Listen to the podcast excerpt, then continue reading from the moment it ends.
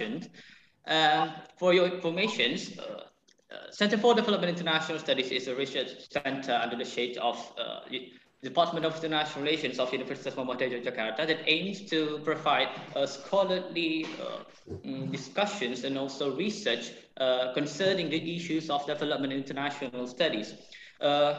And the webinar series is one of our programs to provide a forum of discussions that we usually invite, uh, whether they are practitioners or even or experts or uh, academics to, ex to explain to us, to talk about the issues of development international studies.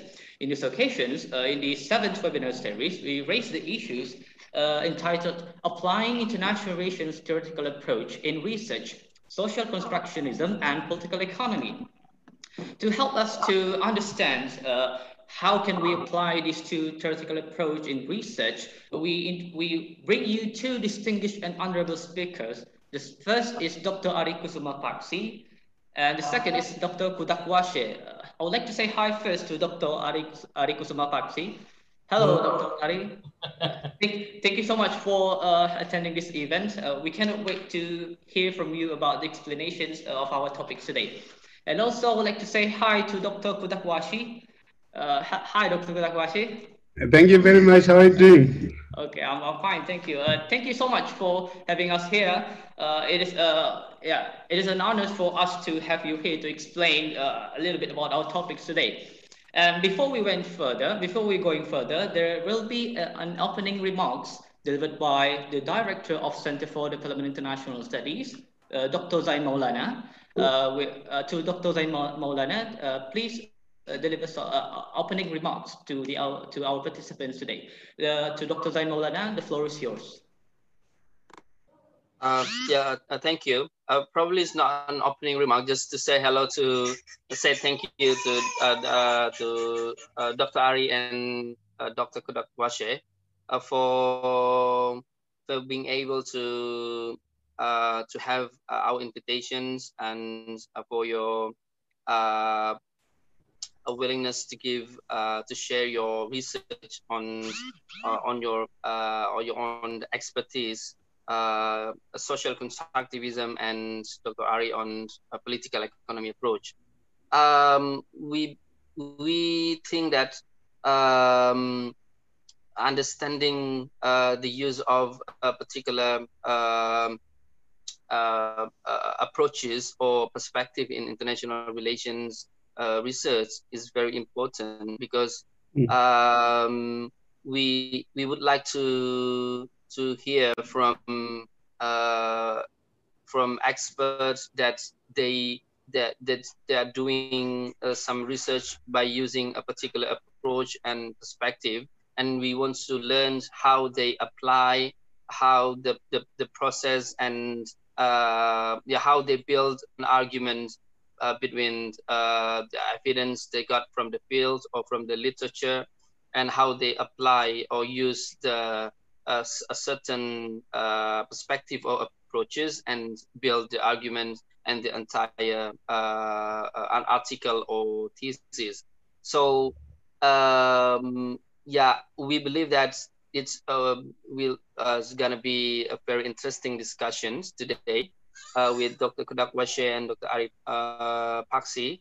Um, and both of you are uh, were uh, graduated from uh, one of the well-known uh, university in the UK and the world from Bradford University. And yeah, unfortunately, I never met you while you are, uh, were in Bradford. so we met now through an online official meeting. So nice to see you, uh, Dr. Kudakwashe. And um, once again, thank you uh, for uh, for the next, uh, I think, the very interesting discussions uh, today. So thank you, Dr. Kudakwashe and Dr. Arie Paksi. So please, Mahbi, continue the, the, the discussions. I, I can't wait to to hear the presentation from from those two uh, experts on the field. Thank you. Okay. Thank you so much, Dr. Zain Maulana. Um, uh, dear participants, uh, uh, Dr. Kudakwashe uh, is a founder and coordinator of Peace, Leadership and Conflict Transformations Programs at the National University of Science and Technology in Zimbabwe.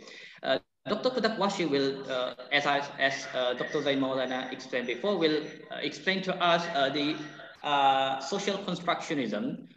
we will, he will help us to understand how we can apply this kind of theoretical approach and for our uh, doc, Dr. Arie Kusuma Paksi, uh, he is a lecturer at, at, the Department of International Relations at Universitas Muhammadiyah Yogyakarta. He is also a research a researcher at uh, CEDIS and one of our uh, one of the experts in political economy. Uh, therefore, in these uh, lovely discussions, he will explain the political economy theoretical approach. Before we uh, continue our discussions, uh, let me explain the, to you about uh, the format of our discussions today. So we have two speakers. Each speaker uh, will deliver their presentations. We'll talk about 15 minutes. And after that, we have the uh, questions and answer sessions where all the participants can ask our speakers uh, questions. there are two ways for the participants to ask a question. The first, uh, you can turn on your microphone and speak directly to our speakers. And the second, uh, the participants can deliver their questions, uh, your questions in the chat room of our Zoom meeting today. Okay. Uh, uh, and make sure that while the speaker is speaking, uh, make sure that your microphone is turned off so there will be no disturbance. Okay. to not wasting our time anymore, we will ask Dr. Arie Paksi to deliver his presentations for about 15 minutes, Doctor. Uh, okay, uh, to Dr. Arie Kusuma Paksi, the floor is yours. Okay, thank you, Mahbi, for the time. So actually, hello, hello, Bang Zain, first of all. so Kuda is, is expecting, you know, finally, we can meet, you know, through the Zoom, uh, through online talk discussion. So, uh, I thought that I'm gonna speak for about 20 minutes, but the thing is I got uh, 21 slides, but because like I think Kuda like you know has discussed this last night, he has got around 17 slides, but like we will try to deliver our like you know point uh, like you know as as quick as we can. But you guys, if you have any question, just let us know. You know, if you are not really uh, convenient to talk uh, like you know uh, directly just type in you know in the chat box your question or you just like you know just make effort to speak in english although i know that i'm not as good as mahbi you know where he can really speak fluently in english okay? So uh, to be honest first of all it's not an easy things you know to uh, after phd you keep continue to develop your framework. The thing is no during my PhD for four years, I have a really good supervisor who really guide me, who really taught me about you know how to use this uh, framework into practice to analyze my context so that I can explain you here. You know, but I'm not like really an expert on this uh, theory, but I can share you a bit about what kind of idea about this theory. And it's, a, it's political economy. Let me open the slide, okay?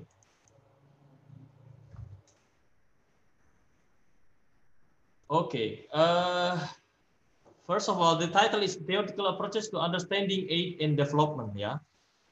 As an international student, or yeah, you may come from different uh, background, we have this uh, course on uh, theory in international relations. There are many like perspective. There are many theories that we are discussing over there.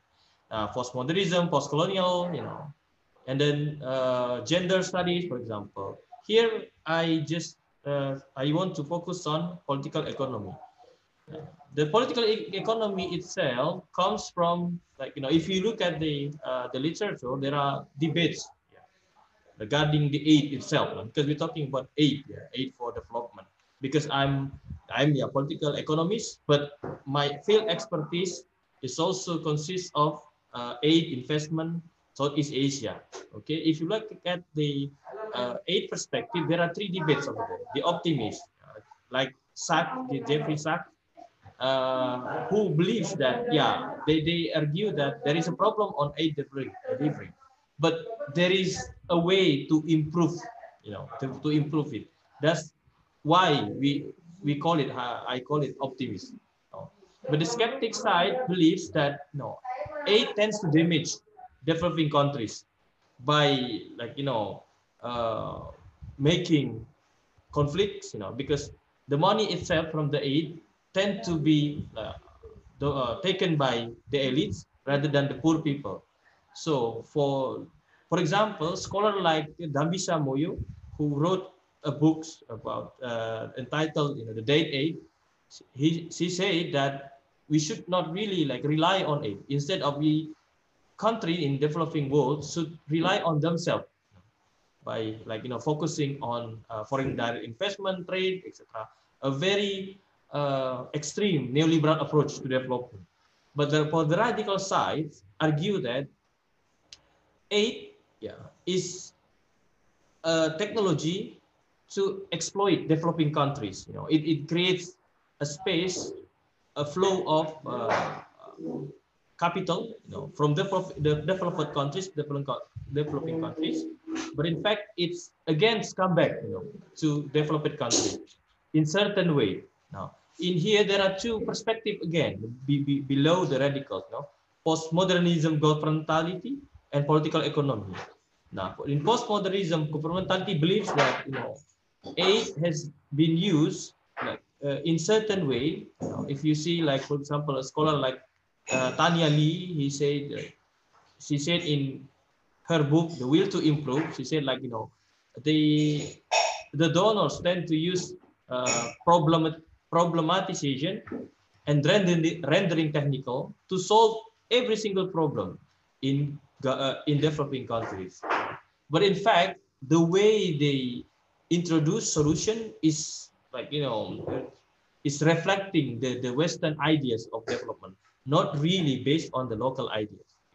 But political economic side is different eh, to governmentalities argument because political economy believes that when in the aid delivery there is a political contestation among various actors including aid itself donors itself as part of that actors now and they have to engage in the local uh, political contest uh, which uh, include uh, which consists of elites or non-elite groups. Uh, as a result of this contestation, the, the policy or aid implementation will reflect you know, who are powerful actors in this relationship. Okay. Uh, there are some further readings that if you want to more uh, more uh, understand about this, you know, there are two readings at least that I can uh, suggest you to read. Okay. Now, next, you know, about the donor's power, you can cite Steven Lukes' uh, books on how the donors practice their power in developing countries. There is a visible power, conditionality, yeah, invisible power to agenda setting. Yeah, they, they set up national uh, or regional priorities in developing countries. In, in some areas when they, you know, when yeah, donors can set up agendas in, in particular countries in Southeast Asia. Uh, they focus on what you know particular program, for example. That's that's how they they, they prevent uh, the developing countries to uh, uh, to work on their priorities. Instead, the priority of the donors will be dominant. Then there is hidden power. Hidden power means like you know the power to make something is to make developing countries believe that something in their interest even if it is not. No. In the in the in the reality, in the in development context, in the aid delivery context, this can be seen from the control language of development, training, capacity building, good governance. So the donors can say that no, you know, for example, the case of Tania Li's book, yeah, donors come to uh, to to Sulawesi and say that to like the, the local people, there is you got a problem of conservation, and they, they, they try to convince the local people that there is a problem on conservation. And then they, they offer uh, a solution for it you know, through, nah, they said, oh, you need this, this particular training, you need this capacity building, you need the, govern the good governance uh, program. So, but in fact, it against it served the, the, the, the interest of the donors rather than the local people. And beside of these three power, uh, the three phases of power, the put forward what Steven Lukes, there is also the, the governmentality, come back from the previous uh, slide. Yeah. But the political economists argue that this is not actually strong enough to say that, you know, uh, governmentally, governmentality is another phase of power of the donor because for the political economy side, this governmentality uh, power is best understand to through the concept of uh, hegemony. Because in hegemony, the hegemony concept believes that in one time, the local people will find their real interest. No? Therefore, they, they will against no, the domination of, uh, of, the, of the donor. No? But in the other hand, governmentality, governmentality argues that no, totally donor has got like more power compared to the local people. Okay, uh, before I've already like you know introduce a bit about uh, political economy. So the, the the things is here the the theory that I tried to like introduce to all of you guys is is political economy based on structuralist perspective. That's therefore I call it structuralist political economy. So you can see in here there are two debates, you know, liberal democratic and structuralist. They are very different you know, to see like development itself. You know, it's not only for development. You can see for different different like you know uh, aspects you know, in in in like you know in the policy making that can be used to see uh, is a is a map you know to divide uh, the, the the groups or the way we, we see the world itself. Uh, if you believe that you know in the liberal democratic, yeah, it's fine. Yeah. For example, you, you believe that society, yeah, equality, there is a equality over there. In, democracy, for example, everyone has the same chance to pursue their objective, collective decision making. The best argument wins. Temporary coalition lobbying. So if you believe with like you know that development is about you know to promote equality of opportunity, then it means that your idea comes from liberal democratic side. But in, in the in the context of structuralists, they will find that yeah, development is like you know is enough and unequal. Because everyone has like an equal opportunity. Those who has structural power means that they have uh, power to dominate yeah society. Now the, the dominant the dominant the dominant party itself is called elite. Yeah. They control power and resources to win uh, uh, to dominate, uh, to win the policy making, so that it benefits them and their group. And consequently, you know, other groups become marginalized. Yeah. And then the type of uh, coalition they have, not only temporary, but also long term. Yeah. Uh, so the, the, the central argument of political economy, always know, when we talk about uh, perspective, we always ask about uh, the central argument. like later on you'll see how Kuda like explain the central argument of constructivism. Yeah. So in my case, you know, the structuralist political economy argument, it, it, says that development is a side contestation between competing groups, you know, with, which has different power, resources, resources, political opportunity structures that have different interests, who engage in struggle over distribution of resources. And there is an ideology there. Yeah. So it believes that development is contestation there is an ideology over there. There is a group of people over there, which is elites. Uh, and then the relationship among these actors affects the policy making and its implementation. So it's not only about the policy itself, but also how does it implement in the local. Yeah. So we will we will look at these two uh, things, yeah, two two uh, two parts and then we also talk about the history so we cannot really like you know avoid to talk about the history of this contest yeah because even in my uh, phd thesis i discuss about the history of the timor leste's uh, political contest during since started from the portuguese era and how it's like you know uh, continue happen up to the moment so i'll explain you later about that and then with the by using this structuralist political economy, I can then argue that you know in the healthcare sector, yeah, that the politics affects quality, quantity, access, and availability availability of healthcare. Yeah. I haven't, I know my my my my plan is actually to do research about Indonesia, but no, I haven't I haven't got that chance so far. But in the context of Timor, this is what I found out. You know, so who are you? You know, which which, party you are com coming from? You know, are you rich or poor? That it then this is like you know these things will will affect you. You know, if you have money, then you can go to national hospital.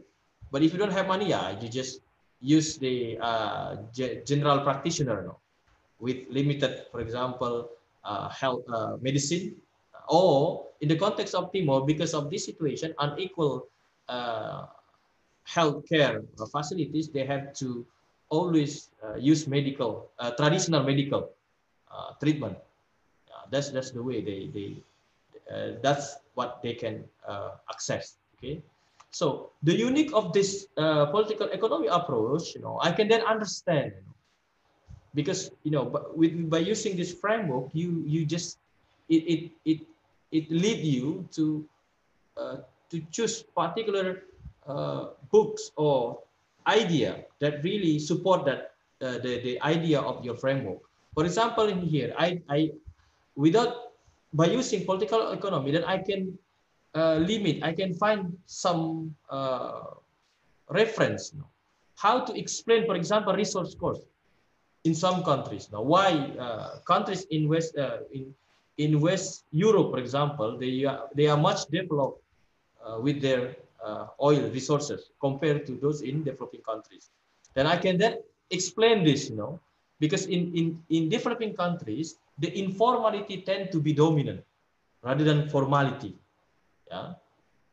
Like different to western world you know where like you know uh, when the oil money started to support development and then the government introduced uh, some uh, policy or some programs to aid the the people in like in, in, in the various aspects in education in healthcare for example. It's different to what happened in the because especially like in timor leste uh, even it had happened in Indonesia. So by using this, it, it becomes clear now. Okay, if you want to like, you know, uh, deepen your understanding about this, there are there are a couple of uh, readings here you can uh, you can you can read. Yeah, this basically mostly like you know published by super my supervisor, and then yeah, it gives like you know the, the one that I really like no I, I use often is the one on, on the right, the blue one, because it, it is really uh, giving you like you know an idea about structuralist political economy and then how, how does it affect uh, many uh, un, uh, affects our understanding about about what's what's uh, happening in developing countries. The the left side, international intervention and local politics, it's it's a recent one published in 2019, I guess but it also discussed about various level of powers work. Yeah, international, local. It the, the supervisor discussed about uh, the politics of scale. You know, yeah. So even the poor people has its politics. Therefore, my supervisor discussed about the, the poor people politics in Timor and Facebook contestation and poor people politics. So there are various layers. You, know, you can you can discuss if you want your to use this uh, theory or framework in, in as your uh, the main uh, your the main expertise of yours. Yeah. So even me, I have a plan to like you know ride with Kuda, but not yet happen up to now. so also because of these ideas, because of this framework, it it always now uh, forced me to learn a lot about the theory. Although you know as a you know scholar and then young researcher, early career researcher, I know that the limit is to have like you know, people to discuss about this topic, yeah, the, about the framework and how does it, you know, it we we uh, adapt it to research. What I can do now is just like you know not to really to the center, but very very. You know, I try to learn about this theory by you know public like writing some uh, journal articles draft which I hope that I can, uh, it forced me to read again and again, then more understand about the, uh, the, the, the, theory itself. So there are, there are some, like, you know, the first I have already published. The second one, I'm, I'm working on it under like a major correction, but it's again, no, it's not, it's not always talking about uh, political economy, but some part of my uh, uh, journal draft comes from the idea of aid itself. What's happening in Timor-Leste, then uh, yeah, it's politi uh, political economy, but I don't really like use that as a framework. But how the relationship between these actors over there, especially, for example, during the pandemic, uh, it forced me to write the second article. Now, the, the rest of articles just, again, becomes an exercise of mine uh, to learn more about the theory. So, and also Kuda always asked me to write, write, write, and write. Very, very nice person of him.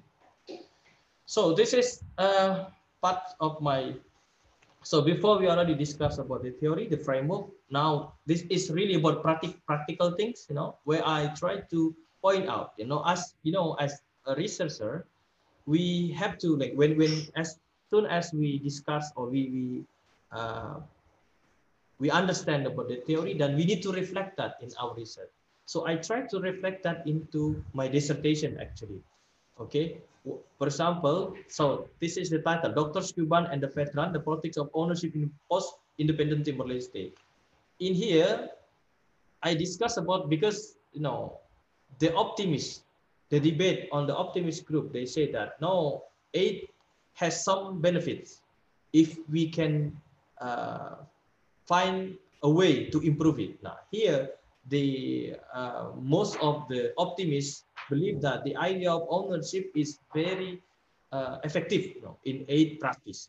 But here, political economy against this, criticize this, because for example, in the ownership principle, a partner countries commit to exercise leadership, making the national development strategies, okay? And then uh, to achieve these three points, the donors will commit to strengthen their capacity. But in fact, in political economy critics, the national development strategies itself is prepared by the donors, not the local. And even the capacity, you know, the capacity, which capacity that the, lo the local government needs, is defined by the donors. So you can see in here, uh, the ownership, in, in the ownership principle, there is a political, there is a political side, the political side. And then, therefore, in some uh, aid practice, ownership did not really successfully achieve. Yeah, because this principle, against doesn't really count into account the political side of this principle. now, again, in the politics of Timor-Leste, what I found that there are two significant uh, strategies of the elites you know, to win support from the population. The, the first one, patronage, rewards for supporters, you know, uh, and populists, where charismatic leaders or the masses of people seek to make the nation great and promote policies much driven by popular sentiment.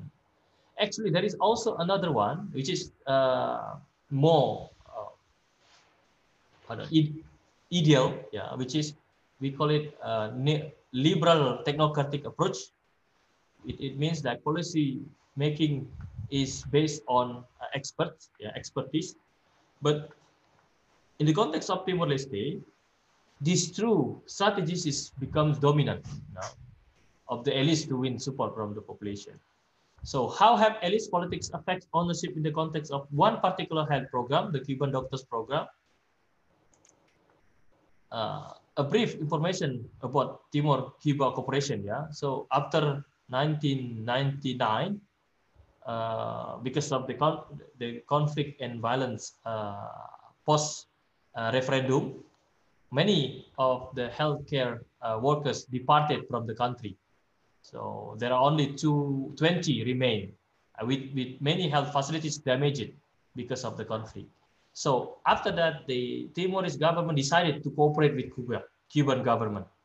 Uh, they're happy with the Cuba because uh, first of all, uh, Cuba has the same, like you know, the, the, the socialist approach to healthcare and the second one their uh, effort you know, because like you know uh, compared to the western uh, workers even during the, the crisis cuban health workers still stay in the country but the west western medical they they live. You know, for example, in 2005 when there was uh, a conflict in, in, in Timor-Leste, the West Medical team, they, they immediately departed from the country, but Cuba, no.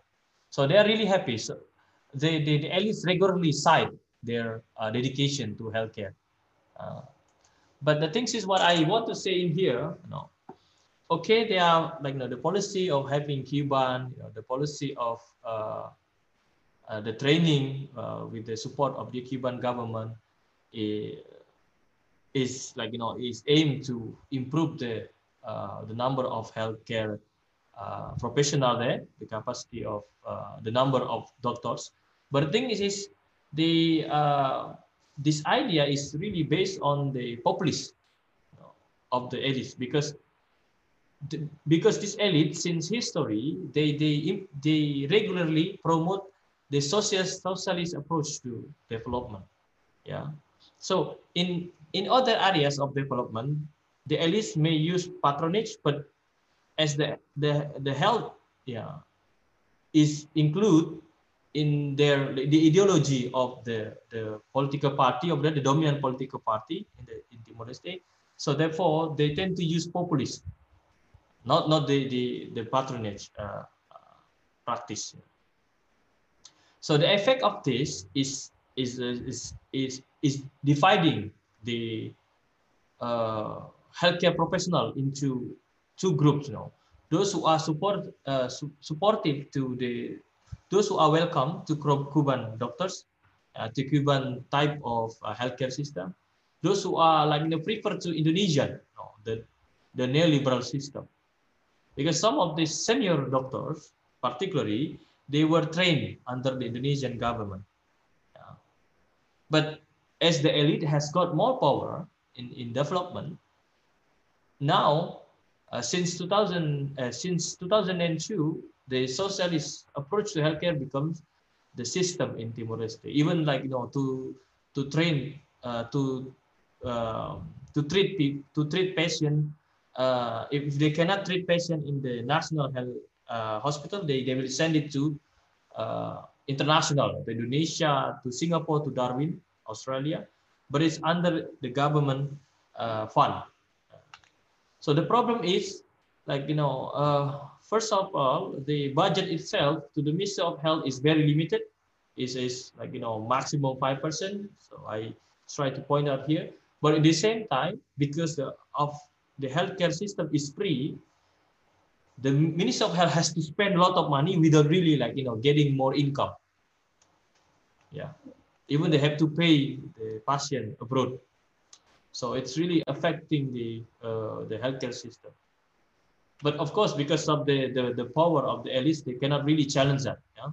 But having uh, also the uh, international doctors in the country, because there are many, uh, immediately after 1999, there are more uh, international doctors who support the healthcare system. Yeah, the problem is, yeah, although there are some benefits uh, the, of the, the presence of this international doctor, but still, you know, uh, the, the system, the S system the eight uh, principle who uh, try to promote about the ownership, it's not really happen over here because like, you know, every single uh, aid in terms of capacity, in terms of international doctors, they use different, different language. It, it affects then delivery, health delivery in, in the hospital. There is a power relations there. So even like, you know, to, to provide healthcare treatment, you know, with the patient is not only about technical, yeah, but it's also about power relation, uh, especially with where it involves you know, different different aid partners. and also I try to be much quicker. I know I'm not sure. Uh, I think it's already more than 15 minutes. And again, uh, as I already like explained before, the, the president of the Cuban uh, capacity building cooperation has you know, divided healthcare, uh, has divided uh, healthcare professional in Timor between those who uh, like you know tend to support the Indonesian uh, system and those who uh, more happy with the the social system because especially young people. There are more young people who got scholarship from the Cuban government. They are these people when I interview them, many of them they are very happy, of course, because they say no, the Cuban people they they're really dedicating their life for the people without really think about money. Uh, some of them they got paid fifteen dollars per month, but Indonesia, of course, if you are specially to get more money. So again, so Fred, uh, in my conclusion, I, I, I did a Fretilin's ideology regarding the development of modern healthcare system for benefit of future generation leads to politician of healthcare that is conducted through populist rather than patronage politics. So the Cuban deal has some technical advantages, but is significantly motivated by populist concern. And then the decision to have Cuban aid has alienated health professionals who are largely empowered by the liberal approach to development and then this also division, and then this makes national ownership more difficult to achieve. So these are some ideas that uh, I presented in my, in, in partially, in a very small part of my thesis discuss about it, but uh, to reflect the, uh, the, the framework of political economy. Because there are four case study that I discussed, and one Cuba is just one. Yeah. So I'll keep it for the future for uh, publication maybe. Uh, okay, that's that's that's all from me. Like you can discuss later. Okay. Thank you so much, uh, Dr. Arie Paksi. It is a very interesting and insightful discussions that you have uh, elaborate. And I catch a little bit from your discussions that you discussed the theoretical debate about uh, political economy, especially the eight about the eight concept. And also you have uh, you have talked about the donor's power and also uh, the way how uh, you have conducted research in Timor uh, in Timor Leste and it is talking about the healthcare system there. Thank you so much, Dr. Arie Paksi. Uh, now uh, we we will ask Dr. Kudakwashe to deliver his presentations about the social constructionism to Dr. Kudakwashe. The floor is yours. Thank you very, very much. I would want to first thank uh, the director there, Zaina uh, Maulana, for organizing this wonderful um, and knowledge exchange session. And to my colleague Arie, um, thank you for laying bare the concepts of um, political economy, of which I'm going to build many aspects of my presentation from. And uh, to the facilitator, thank you so much. So allow me then to possibly share um, um, my presentation there on um,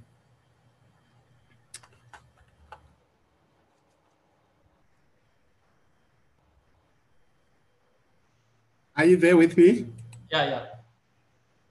Yeah. And can you hear me? Are you seeing are you seeing anything? It's a process. Wait. Um share screen, am I right? Yeah. Um it is still connected now. Ah yes, okay. We have seen it. Is it is it connected now? Yes. Okay. So I'd want to share a lot in terms of, um, sorry for that, I had not lifted it up to, yeah. So um, Dr. Arie talked about political economy um, in terms of research approach and in terms of research um, strategy. My presentation uh, builds on that, and I want to claim here that uh, political economy is not actually and cannot be a stand-alone approach uh, in terms of yielding and generating credible data if it is not supported by social constructionism. My second claim to this is that rarely do we find uh, international uh, literature, international relations literature, appreciating or acknowledging the significance of uh, social constructionism. It could be that um, in most cases, researchers haven't have time possibly to understand the contribution of social constructionism in international relations. It can also be that um, social constructionism is just engaging uh, theory and practice in, in, in research. Therefore, it might have escaped knowledge or is escaping knowledge of most of um, the researchers.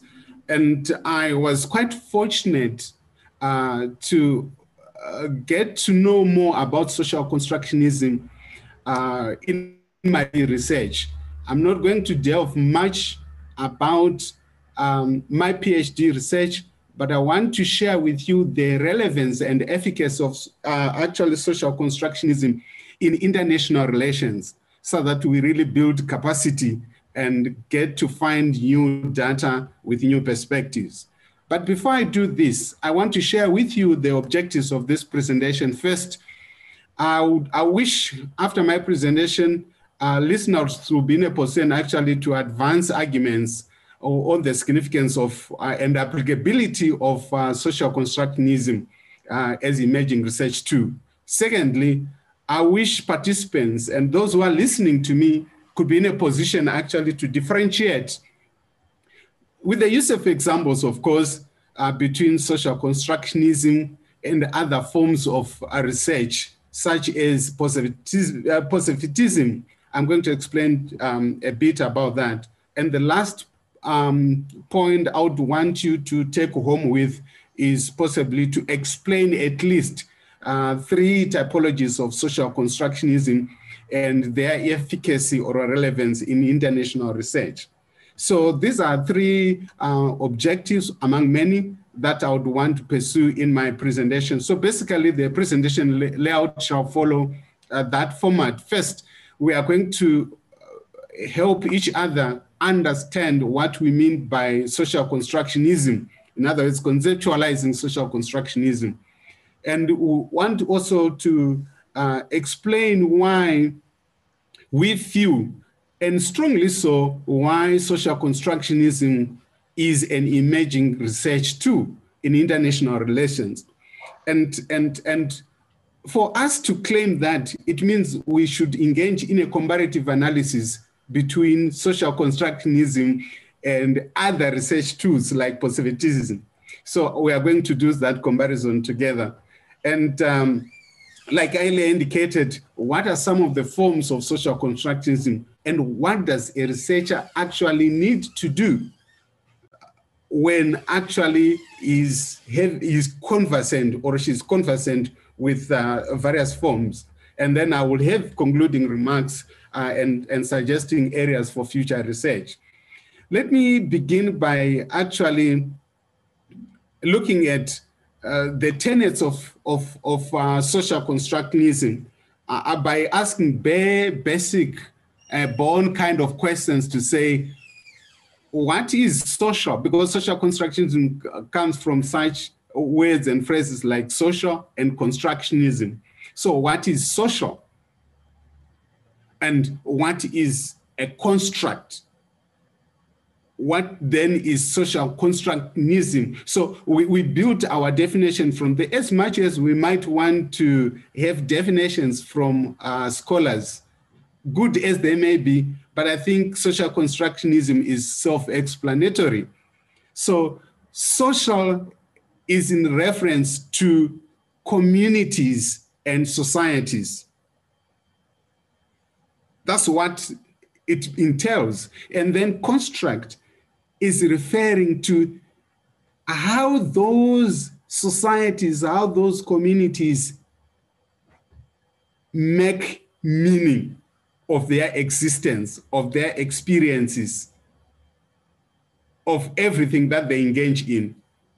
So it is a society that makes meaning. That's what conceptual, I mean, social constructivism is, is all about. So you, you, you are aware that parts of the society exist. I'm using parts because people are geographically dotted almost everywhere. So parts of the society exist. This is, we agree. but they have to construct and reconstruct meaning of their experiences through social interaction. This is a, a catchphrase in terms of uh, conceptualizing social construction through social interaction. You heard from Dr. Arie that when we are looking at political economy, the central tenet of political economy is to look at categories of people and their perception to reality. He talked about optimists, he talked about pessimists, he talked about even radicals. Those are categories of people. They have got their social interaction and they make meaning based on their category. But then so, social construction asks us a very hard question. How do you mine data? How do you get data from these different scales of people and make meaning out of that data? So you don't find much research focusing on this kind of understanding of uh, social realities from the social interaction. Uh, so there are also scholars like Gergen. Apparently, Gergen is one uh, uh, scholar who wrote extensively uh, on um, social aspects, not international relations. And he says, I ask this important question to say, um, how do people actually understand each other? How do radicals, for example, understand each other and become a group? How do they make meaning out of their behavior? How do people in authority make meaning of their subjects, right? How do they communicate? That's what Gergen is asking us to look at. How do they communicate, right? Or understand each other. So basically, the, the first launch pad is to understand the political economy aspect of it. And by political economy, as Dr. Arie's laid bare, is that it's looking at different scales of people and the power dynamics inherent among these different people. But social construction is saying, identify those categories. After identifying those categories, try to establish meaning making of those categories. Right. So um, I would want also to, us to understand before we move further, a little bit further to say there is a difference between social constructionism and social constructivism. Social constructionism, like I've explained, refers to how the society make meaning of their behavior, of their experience, right? Of their understanding of development. But social constructivism looks basically not on a society, it looks at an individual. And it makes a claim that nothing exists beyond the mindset of an individual. So social constructivism looks at an individual. Social, social constructionism looks at the society. This is the remarkable difference between the two. So I'm not very comfortable with social constructivism personally because we don't look at individuals in research in most cases we look at how people relate and make meaning between and among themselves. So, why do we want to make a claim in this presentation that social constructivism is an emerging research approach in international relations? The answer, which makes it distinct, is the use and the focus of language language is quite critical in terms of understanding our research. Rarely do we find research approaches and even international relations focusing on language.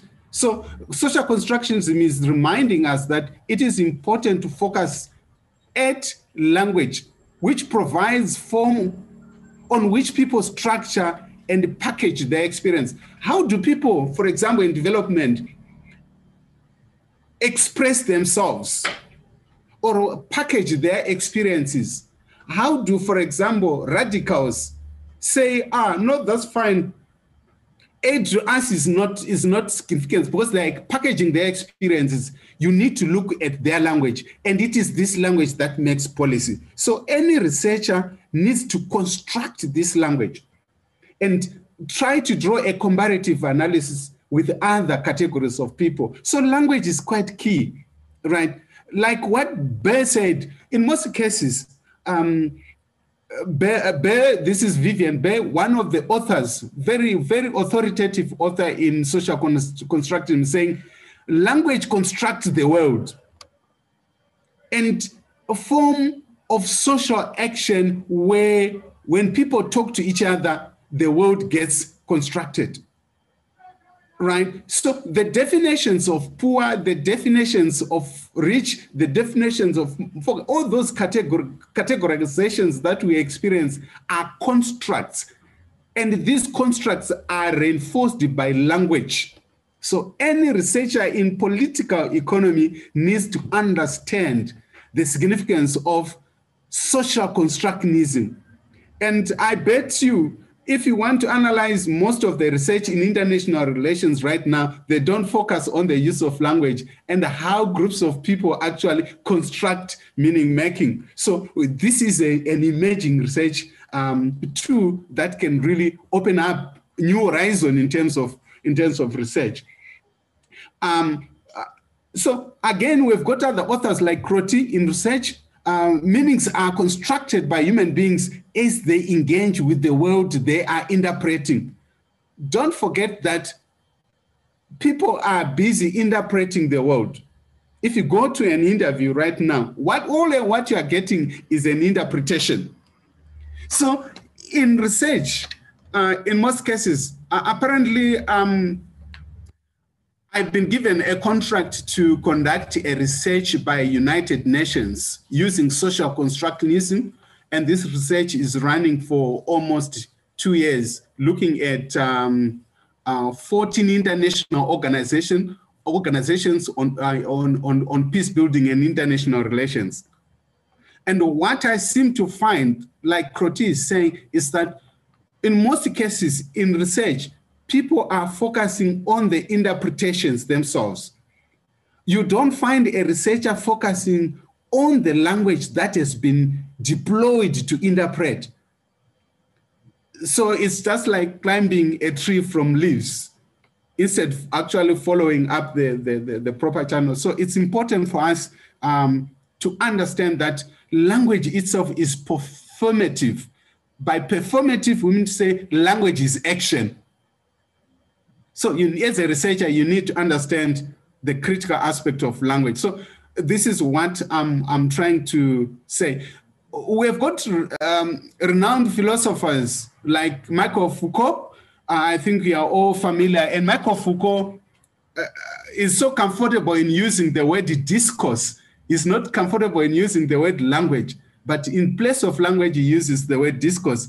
And, and this is what Michael Foucault says uh, and, and, and, and, and, and the like. Remember, Michael Foucault is one author who wrote about governmentality, where Arie was talking about when you are looking at political economy, look at governmentality.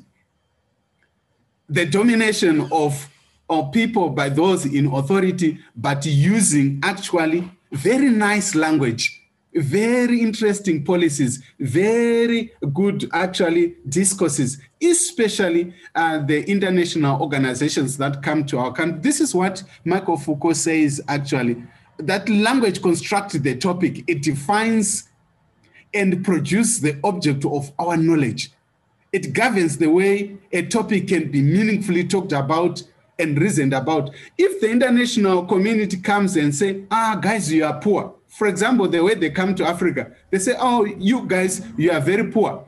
What happens? They've constructed a language and we embrace it as poor people and we live it and then we experience it as people. Not knowing that that form of language is governmentality, is the way uh, the international or the NGOs are dominating the indigenous communities. So that's one aspect there that we need to, to, to, to look at. Now, this is very important. Why we consider social constructionism as an emerging tool. Other tools of research actually are never comfortable and are not comfortable in the use of social primary data. Now, social constructivism is saying it is important for any researcher to know that language is constructed through tweets, hashtag communities have even emerged, blogs, and natural conversations, and online newspapers, television, radio programs, and provisions of, of commentary. I want to tell you that for those that have done their PhDs, your supervisors are never comf- uh, comfortable with what social primary data.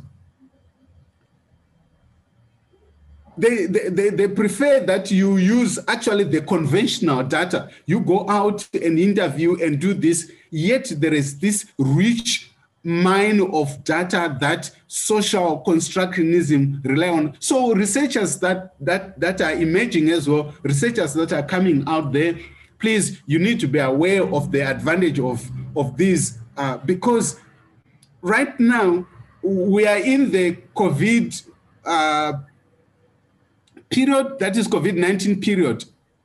Uh, where are you going to get the community? The community is in their house. How do you get to understand what they are thinking? How do you get to understand their feelings?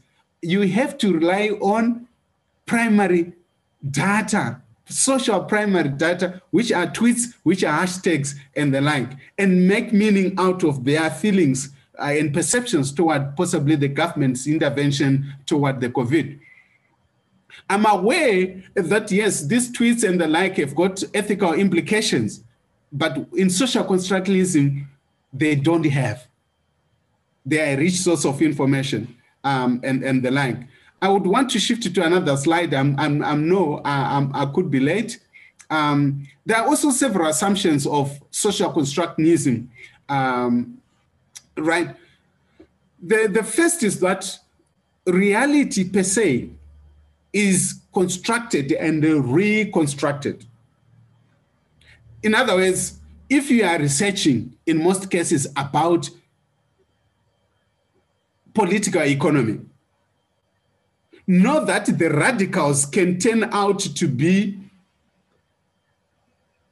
the optimists one day after reconstructing a certain idea to their advantage what makes ideas and reality to be constructed and reconstructed are personal interests that each one of us pursue.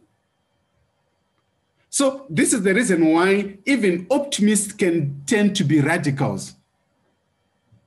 Even structuralists can tend actually to be what? To be optimists.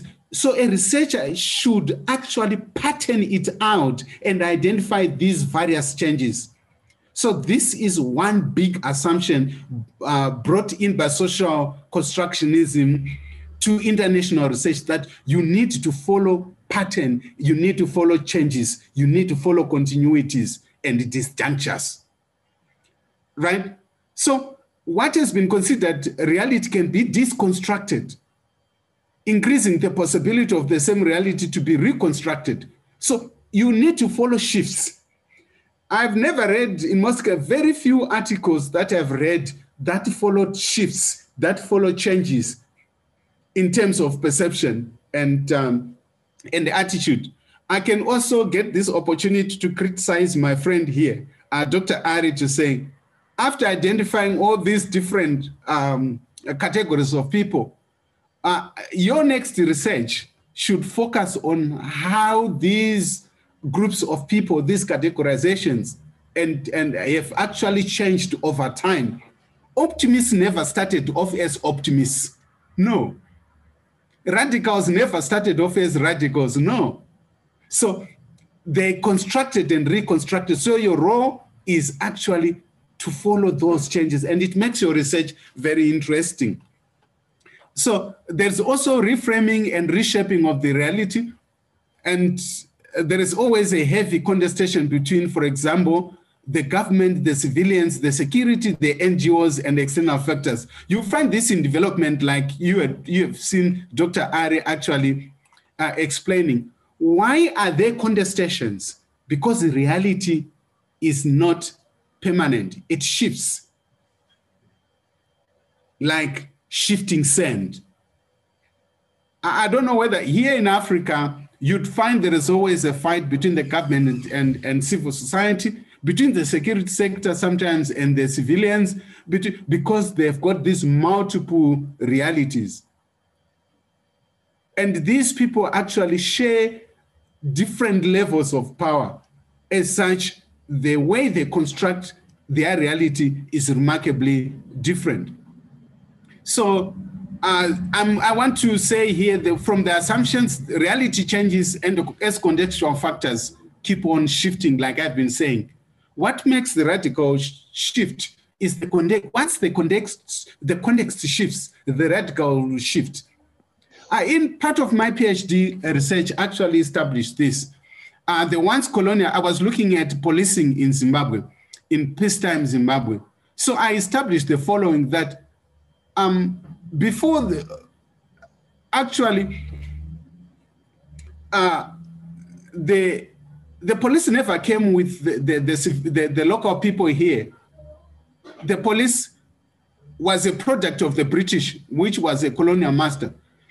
But then the British were defeated by uh, the locals here, and and the locals became, I mean, became the masters now. So we have got four layers now of, of people that are there.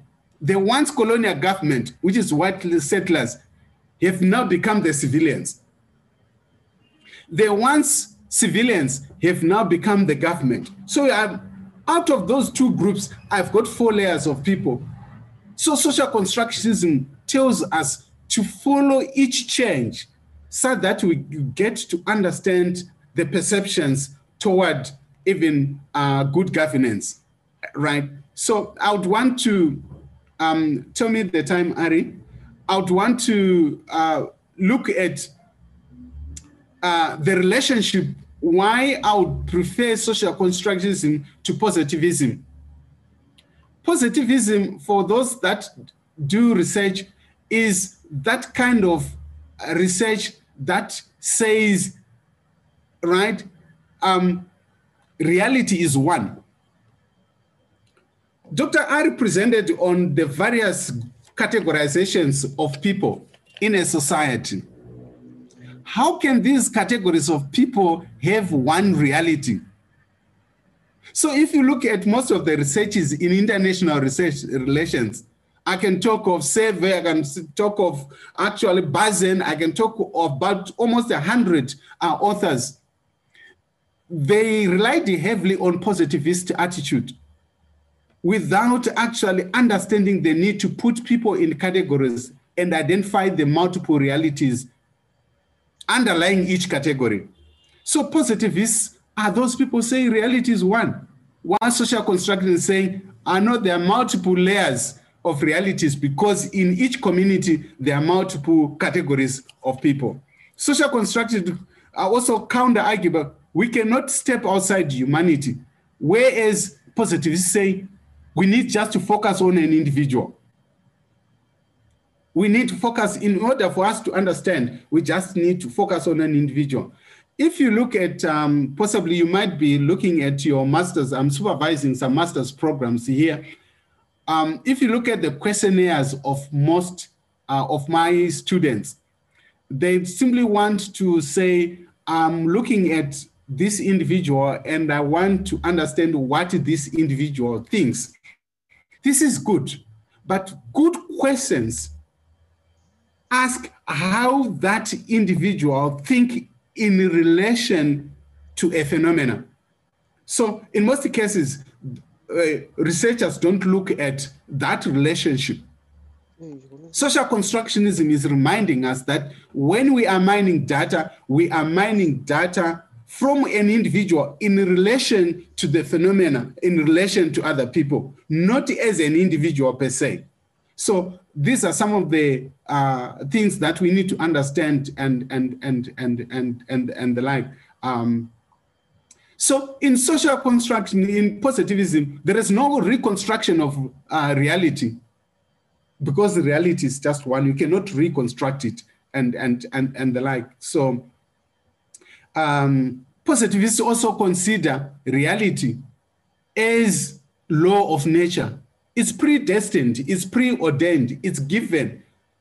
So it's a question of you just going there and take it and use it. Which then takes me to another important aspect of positivists that I hate most as a researcher. That there is a power dynamics which is there between a positivist researcher and the object of study. There is no relationship here. There is power imbalance. But social constructionist, because of the approach in terms of relationship, the researcher and the researchee are equal. As such, the knowledge generated by the researcher is co-produced, is co-authored. Unlike the positivist, where you stand a distance from the knowledge that you have been given from the said object. So these are critical aspects of um, social constructivism. Uh, there are several arguments that, that, that are there um, that I can pursue. I will leave this slide, but the most important aspect that I want to conclude with um, is that quite often, as much as international relation might uh, rely on positivist approach, even in terms of development, it makes this serious assumption that the researcher is the holder of knowledge. Because social constructionism reminds us that no, a researcher is not the holder of knowledge. You are there just to facilitate a dialogue such that yourself as a researcher and the researcher gener generate knowledge collaboratively. So knowledge is a collaborative product. That's thing. That's one thing that I, I like most about about um, uh, about um, uh, social construction against other forms of research uh, which fall under the positivist approach. I just want to shift my discussion to say, now, for any researcher in social constructivism, you need to be conversant with different categories of social constructivism. I'm going to raise three categories, of which uh, you are going to give comments, and I'm also going to say how significant they are in terms of research. The first group, or where you need to belong, or where you can belong as a researcher, is the radical social constructionism. You might consider yourself as a radical social constructionist. Here, if you're a researcher, reality is constructed and co-produced through interaction, aided by the use of language, which produces a shared understanding. If you're somebody who is very radical, and in terms of social construction, pursue language. In other words, your research can actually focus on meaning making to say, my study on political economy, for example, on uh, of, of uh, COVID-19 shall deploy radical social constructionism in order to understand how people describe this, this, this. So a researcher can focus on, on that. It is dangerous for you just to be using social constructivism as a bigger term. You need to further narrow and identify one area of social constructivism your research should pursue. The second category is the contextual social constructionist. This kind of researcher simply focuses or analyzes the context. I, I, I, hope you get to understand what I'm what I'm writing. So, uh, contextual social constructionist, you are mm, paying particular attention in terms of the context. When people select, when classify and interpret reality, they build is because of the culture, the political, and the economic context. This is where Arie brought in a very important, and Arie's research falls under that category of social constructivism. That's where you find context mattering a lot. So, what does the context do? It produces the political economy in terms of interaction of people. Right. And then the third category is the postmodern social constructionism. In other words, if you are this kind of a researcher, you are looking at the most important aspect. You are now deconstructing the narratives that have been given and reconstructing new knowledge. In other words, you are challenging the existing system, the existing status quo, and and bring new uh, nuances in terms of the way forward. This approach is very important, especially when you are studying groups that, that belong to the to, to the margins of the society, such as women. I heard Dr. Arie talking about gender issues. They belong to postmodern social constructionism. We are talking about issues of development. They belong to the postmodern social constructionism, right? How do you deal with the indigenous groups? I saw Zaid somewhere, eh, I mean, as one of the participants. I think um, he had a very interesting uh, PhD research, and the research is located more directly under the post-modern uh, social constructionism because it's talking about indigenous groups and their marginalization. So these are the three categories that you need to identify and pursue. Don't generalize and and and and um, and and uh, I would want them to, in the interest of time, to look at the limitations of social constructivism, and then we have a discussion. Um, getting uh, use of language is is is is is quite is quite difficult. I think earlier I raised issues of three uh, of three P's um, in my in my presentation. That reality is, itself is pluralistic. That reality itself is plastic, and that reality is predicated, therefore approximated. So this is the challenge of social constructionism. We don't have one reality. We have got multiple realities. As such, you'd find that it's difficult to understand the language itself. Communities shift, context shifts, and it poses a challenge to any to any researcher. However, for me, it's not a big limitation per se, but it is an advantage in the sense that you can be in a position to follow and pursue and explore patterns, continuities, as well as points of departure. Um, and this is what I've uh, shared uh, with you today, uh, and I really appreciate. Um, before then, I have some concluding Social construction opens the door to multiple ways of seeing the world. Please, international relations should open up to social constructionism. There's a microscope that can see the world at an expanded horizon than social constructionism. And the researcher who uses a social constructionism is that kind of an innovative researcher. If you want to be so creative, of which the world right now is looking at a creative research, please use social constructionism because it helps you to identify multiple categories of people. It helps you to identify multiple layers and complexities inherent in any society. And once you identify them and analyze them, you better come up with possibly uh, uh, commensurate uh, intervention strategies um, that really solve problems uh, that are there in the society. So creativity is quite key to whoever is using uh, social constructionism. Thank you very much uh, for listening to me. Let's hope I was I was in a position to manage the time. Uh, extra readings are there. There are critical authors like Vivien Burr. There are critical authors like Burr and May Tim. Uh, these are reference points in terms of building up uh, social constructionism. Thank you very much, presenter. Okay. Facilitator, Thank, sorry. Okay. Thank you so much, Dr. for that question. It is a very uh, insightful uh, presentation that you have delivered uh, I catch some points, some important points that you have delivered that uh, social constructionism is uh, driven by a questions that how can we perceive uh, how a society being constructed?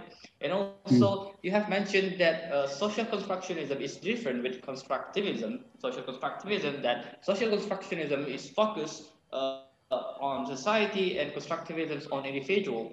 And also you have said that language is very important in uh, social constructionism that uh, uh, if we avoid this, there will be some uh, error or uh, not good in our research. And also you have mentioned that there are three specializations in social if you want to study constructionisms that you can be uh, you can be a radical social social constructionist and also conceptual and also postmodernist.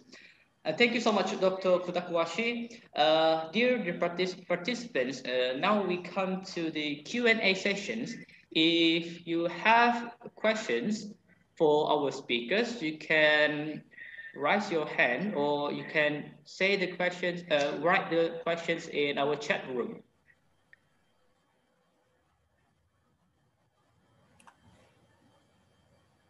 Is there any questions, participants? Or I can ask to Kuda. Okay, uh, it's okay. Oh, okay, sure.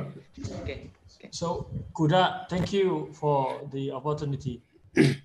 first of all, I, my question is like, you know, you mentioned about the three groups, yeah, in social constructivism. Okay? Right. So the mm -hmm. radical or something like, you know, the other one. So basically, the uh, contextual, you're right. Yeah, yeah. So basically, these are three schools in in the social constructivism, yeah. Yeah. The, and, and, mm -hmm and many, many scholars have used these uh, approaches you know, into their research, right? Mm-hmm. Okay, so uh, not not many scholars actually in international relations. That's what I'm trying to challenge here. Uh, that not many scholars have actually explored uh, this rich um, uh, kind of uh, approach in understanding dynamics that are there relations and particularly in development. Uh, hardly do you find um, authors focusing on, um, for example, a radical social constructionist, mm. which pays particular attention to the language which is dominant, because it is the language that build policies. It is the language that uh, actually build up programs. It is the language that actually, yeah, it helps people to move you don't find analysis which is systematic, which is rigorous and critical uh, in looking at uh, the efficacy of language in international relations. Yeah. And also, I've, I've seen your uh, last presentation about the further readings that we can take a look at, you know, if we want to uh, use this uh, approach framework into our research, right? But the thing right. is, I haven't seen uh, like you know any like you know example for example a person like you know you or other scholars for example who have used this into their research and they, they publish you know. So the idea is for me uh, you know you have you know point out some list of uh, you know reference you know right. for us to read. Uh, right. sometimes because we are here some there are some people here, like the participants, they are students, they are uh, lectures. They wanted to like to to use to see yeah, example of how like the scholar use this like in the perspective into practical. You know where they oh, okay. I mean, for example, an issue of what security in uh, somewhere in Africa, for example, that will be benefit for us because this presentation we will share it to many like you know, many people then they will like you know immediately be able to go and read that you know article you know. So from the framework into the action you know the, the reality how they examine the you know, yeah uh, let, let me respond by two points there. I can actually, you you you know, I, I, I write a lot, especially in the area of um, yeah uh, of security um, and and and social constructionism. Um, I'm so much willing to share some of my um, writings and perspectives on on on on social constructionism. I'm also willing actually to develop um, uh, some kind of areas of expertise in terms of exchange with your students uh, in, in, in the area of uh, social constructionism. Mm. Um, And I might be in a position to share some of the reports that I'm doing with uh, Mennonite Central Committee, for example, United Nations, and uh, United Nations Women on social constructionism. Um, and how it is actually shaping their understanding about the dynamics that are there in the society and how they've now started to tailor make some some programs uh, uh, based on that on that information. So I'm I'm so much willing um, to share uh, on that. As I said, this is a very emerging field. Um, it requires an expert actually to pursue it. I know one author, Vivien Burr. Yeah. If you can follow that author, Vivien Burr, who wrote on social constructionism, and she's she's on blog as well. You can follow the ideas. I can also give a website of some authors that are trying to come up to use social constructionism.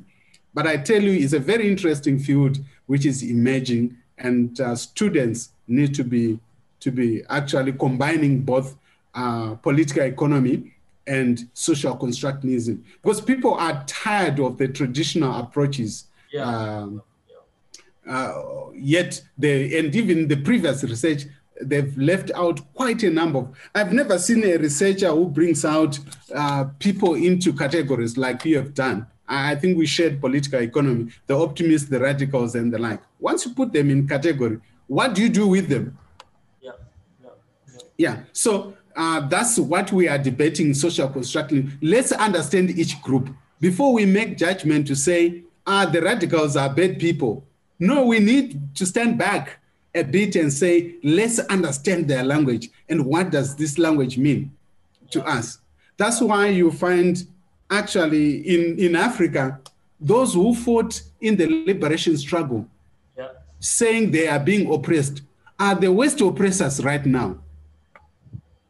Why is it so?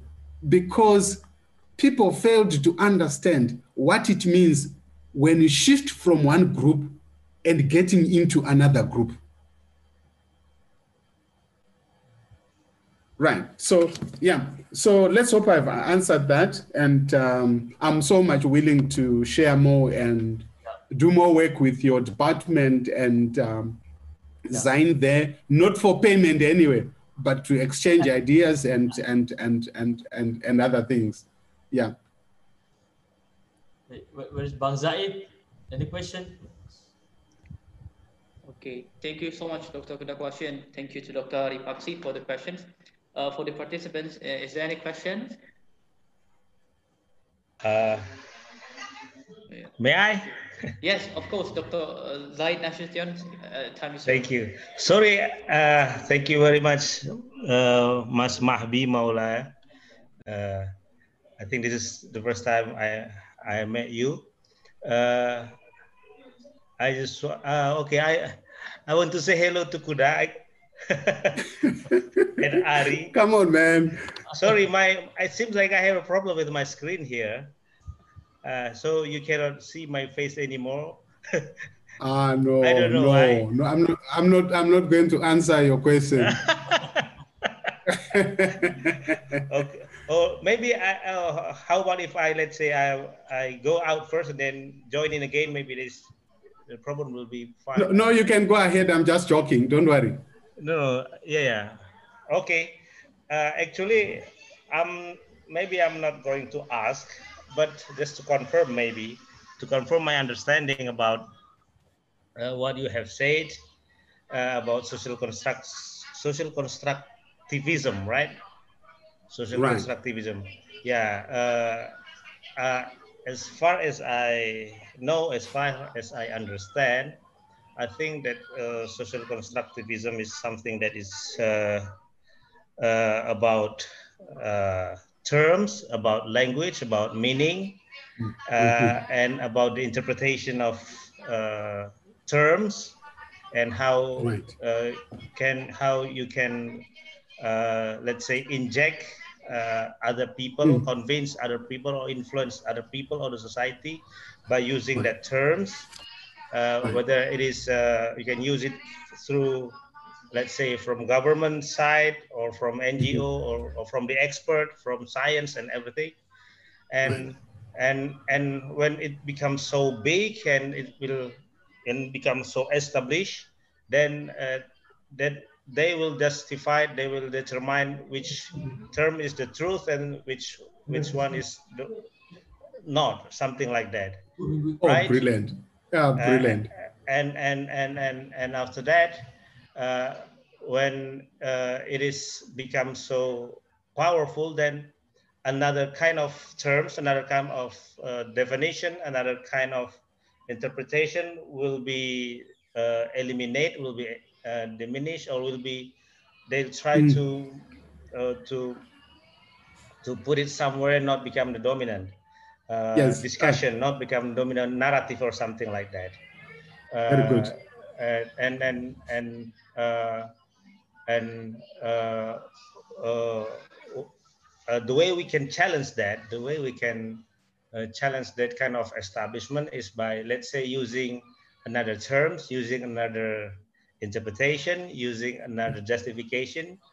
Uh, right. With the term that you said, with I don't know, deconstruct, deconstruct, deconstruct yes, deconstruct, right. and then reconstruct or something like that. Brilliant. uh, yeah, yeah, yeah. Just yeah. I because yeah, I, I, yeah, because for, uh, I think it is very interesting because it seems like uh, there are so many people. Uh, uh what is it? Uh, when they heard something uh, very regularly or periodically, they right. think that that the terms or that interpretation is the right one or the truth, and they right. they they can they they what is it?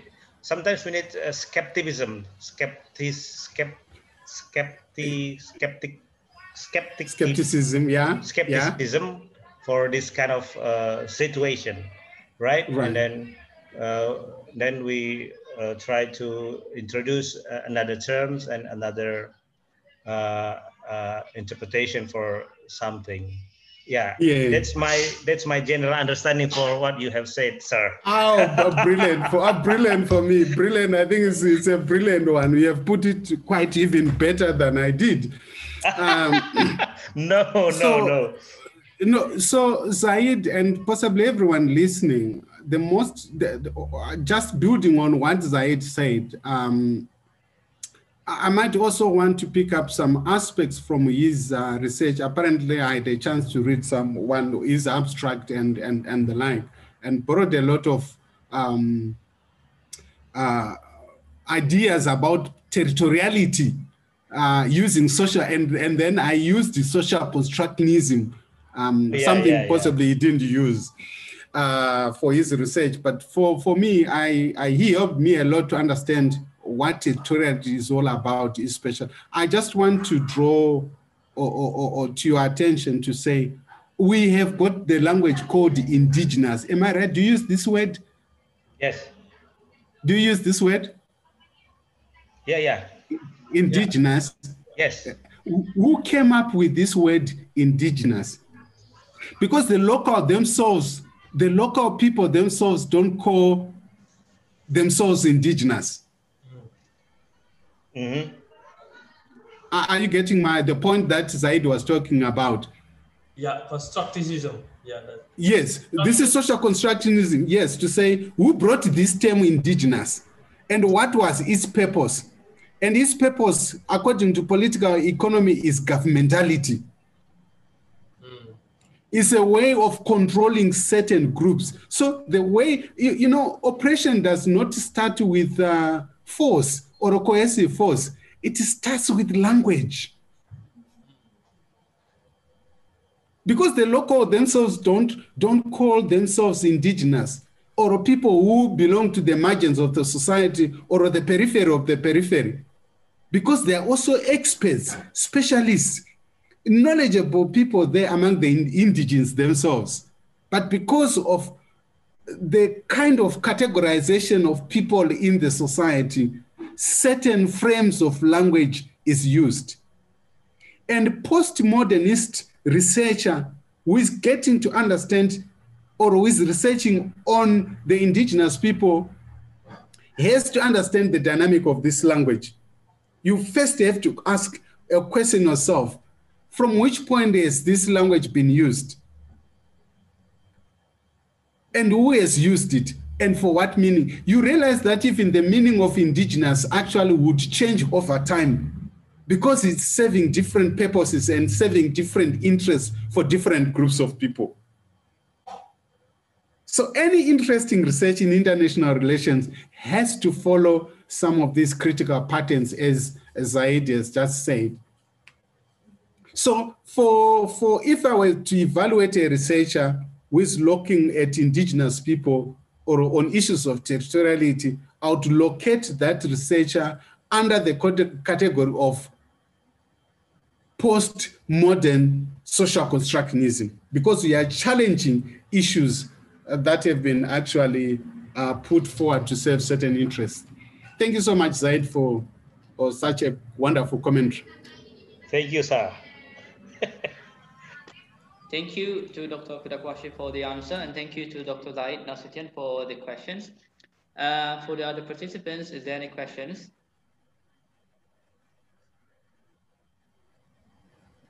Uh, is there is there any more questions? Okay. Uh, okay, if no, uh, maybe waiting uh, while waiting for the others to have questions, I would like to ask questions to Dr. Kudakwashe.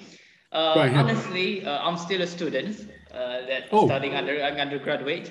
Uh, and I'm, I'm so interested with uh, the social constructionism's uh, theoretical approach that you have mentioned that it is a new emerging theory that international relations scholars still, uh, there's so uh, no, uh, there's the number of scholars that applying this is still, it's not, it's, yeah, it's still not much. And my question is, what is the deficiency? What will be the lack of this uh, theory, of this approach to be applied? Uh, is there maybe uh, this, can, can, this theoretical approach be applied to every topics in international relations? Or maybe it only can be applied in particular topics? Or yeah, what is the deficiency, uh, uh, generally, what is the deficiency of this theoretical approach to be applied by us students of international relations? Thank you so much. Uh, th th th thank you very, very, very much. I think as, as a student, um, there are five uh, categories of international uh, relations, basically in terms of uh, thematic uh, motifs. Uh, however, we are, we are looking basically at politics and how it plays out in, in issues of international relations. Um, there is also the issue of economy as a critical aspect, uh, and, and you pursue issues of globalization and, and, and the like. The other important and very critical aspect is emigration and migrancy uh, topic in international relations. Uh, the, this is mobility of people from one region to, to the other and, and, and, and, and, and the like. So then the other aspect is, is, is, is that of uh, gender uh, in international relations, uh, which, is, which has now uh, replaced issues of um, intercultural elements. Gender has replaced that as the fourth topic. And then the last one is development. Uh, is a key, key aspect of uh, international uh, relations, basically. So out of those five um, critical areas, out of those five thematic motifs, you, assuming that you pick up uh, the political aspect of it, it depends on uh, what you are trying to do. If you want to pursue on the poor people politics of uh, local communities, basically, yes, it works out very well, excellently well. But should you now decide to pick up, right, international relations, in other words, um, uh, global relations, uh, it might have some challenges.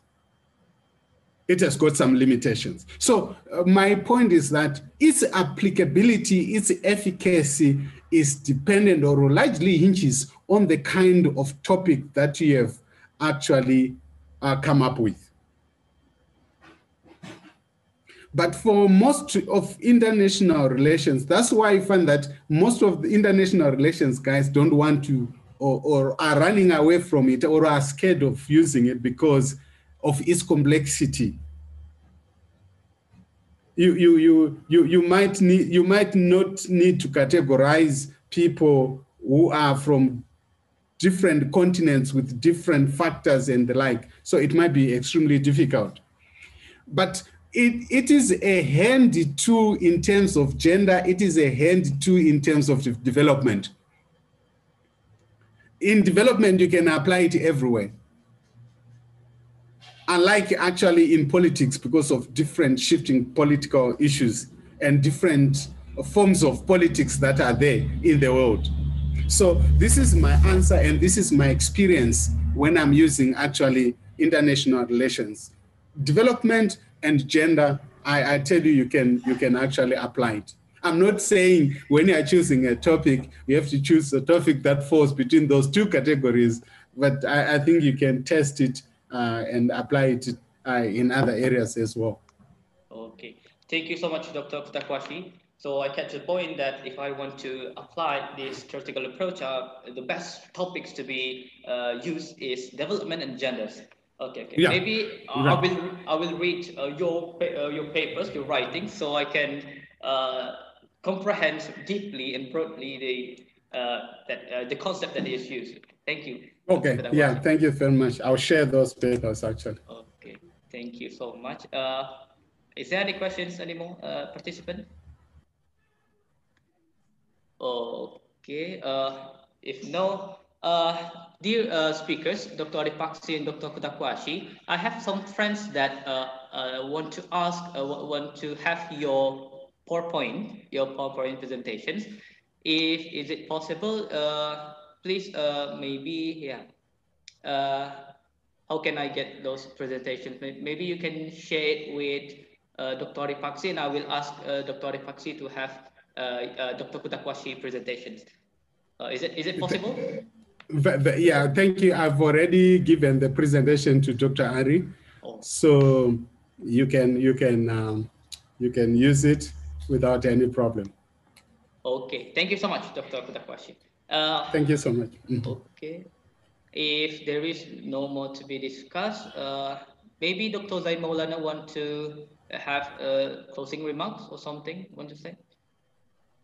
No, just yeah. Uh, thank you. This that was wonderful discussions, Kuda and Arie, uh, and also thank you to Bang Zaid for the comments and oh, yeah, all okay. participants, Mahbi, um, yeah, could have uh, probably and then in the next time we will contacting you uh, for um, yeah probably for, for other uh, discussions. And really nice to see your presentations. And uh, I also I have um, read some of your articles uh, your publications.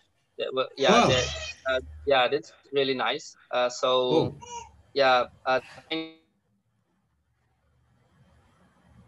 we are waiting for your next uh, publications and all of us. Um, yeah, um, and also Dr. Arie. Uh, yeah, probably he's. Uh, as far as I know, he's also prepared for the his second uh, publications. Um, mm. Probably under review. Uh, the the the article, the paper. So yeah, thank you for all of you, uh, especially for Dr. Kuda and Dr. Arie. Thank, thank you. you. Thank you so much. Yeah, we really appreciate and uh, it was so nice meeting you guys. And um, should there be any questions after this, uh, please let them come in so that we build up. So um, it's an honor and privilege, especially from the director to recognize our efforts and to give us the platform to share our our our thoughts and the like. Yeah, sure. Okay. Thank you uh, to Dr. Len Maulana and also to Dr. Kudak. And maybe this is the end of our meeting today, our discussions. I would like to say thank you to Dr. Arif Paksi for uh, having uh, you with us today. It is a very nice discussion about political economy. And also to Dr. Kudakwashe, thank you so much once again. Uh, maybe we will contact you for further collaboration, of course. And yeah, it is a very nice discussion about social constructionism. And also thank you to Dr. Zaid Nasution, Dr. Zain Maulana, and to uh, yes, other you. participants. And uh, maybe, yeah, that's all. Thank you so much and goodbye. Thank you so much.